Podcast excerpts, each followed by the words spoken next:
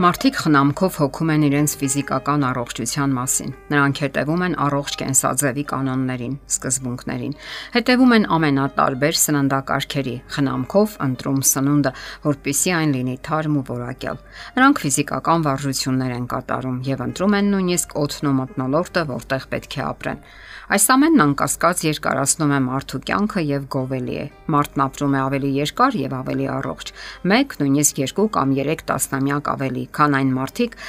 որոնք ուշադրություն չեն դարձնում իրենց առողջությանը։ Եվ ի վերջո, հետևողականությունը եւ գովելի է եւ խրախուսելի։ Սակայն այդ նույն մարդիկ, որքան էլ զարմանալի թվա, չեն հետևում իրենց հոգեվոր առողջությանը։ Նրանք ամփոփորեն վնասում են այն անխոհեմ արարքներով եւ անտարբերությամբ Իսկ չէ որ հոգևոր առողջությունը անհամեմատ ավելի կարևոր է, քան ֆիզիկականը։ Այն հավերժական կյանք է ապահովում մարդու համար։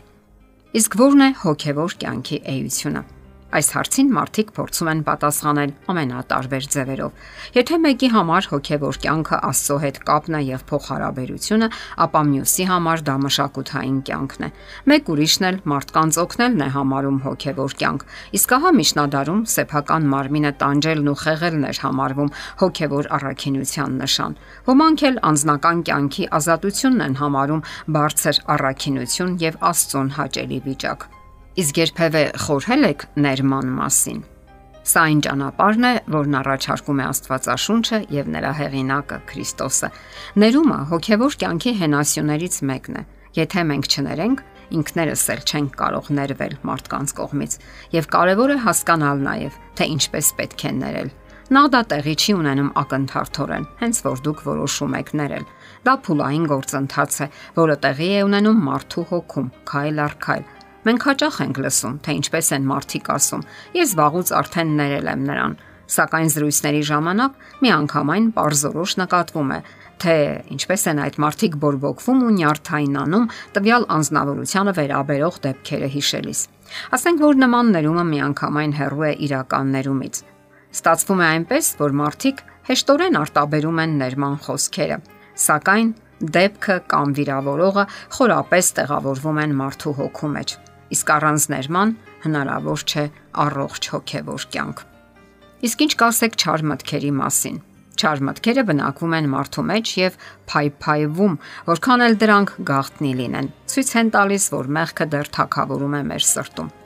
Շատերն են այսօր չարության ու անօրենության կապանքների մեջ։ Նրանք, ովքեր հաճույք են ստանում անմաքուր տեսարանների մասին խորհելիս, տարվում են չար մտքով եւ գաղափարներով, կրկոտ հայացքներով, գտնվում են հոգևոր անկման վիճակում։ Աստված այդ մարդկանց մեջ կարող է տեսնել ճարի ճշմարիտ էությունը, որը թաքնված է նրանց հոգու խորքում։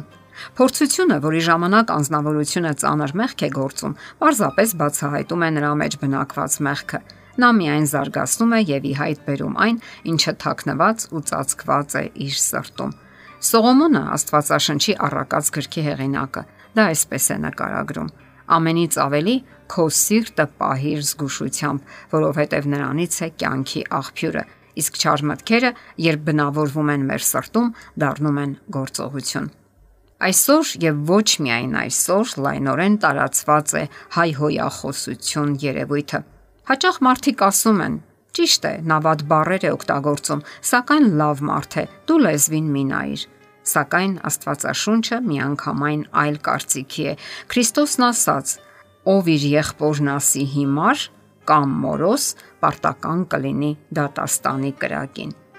Մեր փրկության համար Աստված զոհաբերեց իր որդուն եւ ցույց տվեց, թե որքան բարձր է գնահատում նա ամեն մարդկային էակի։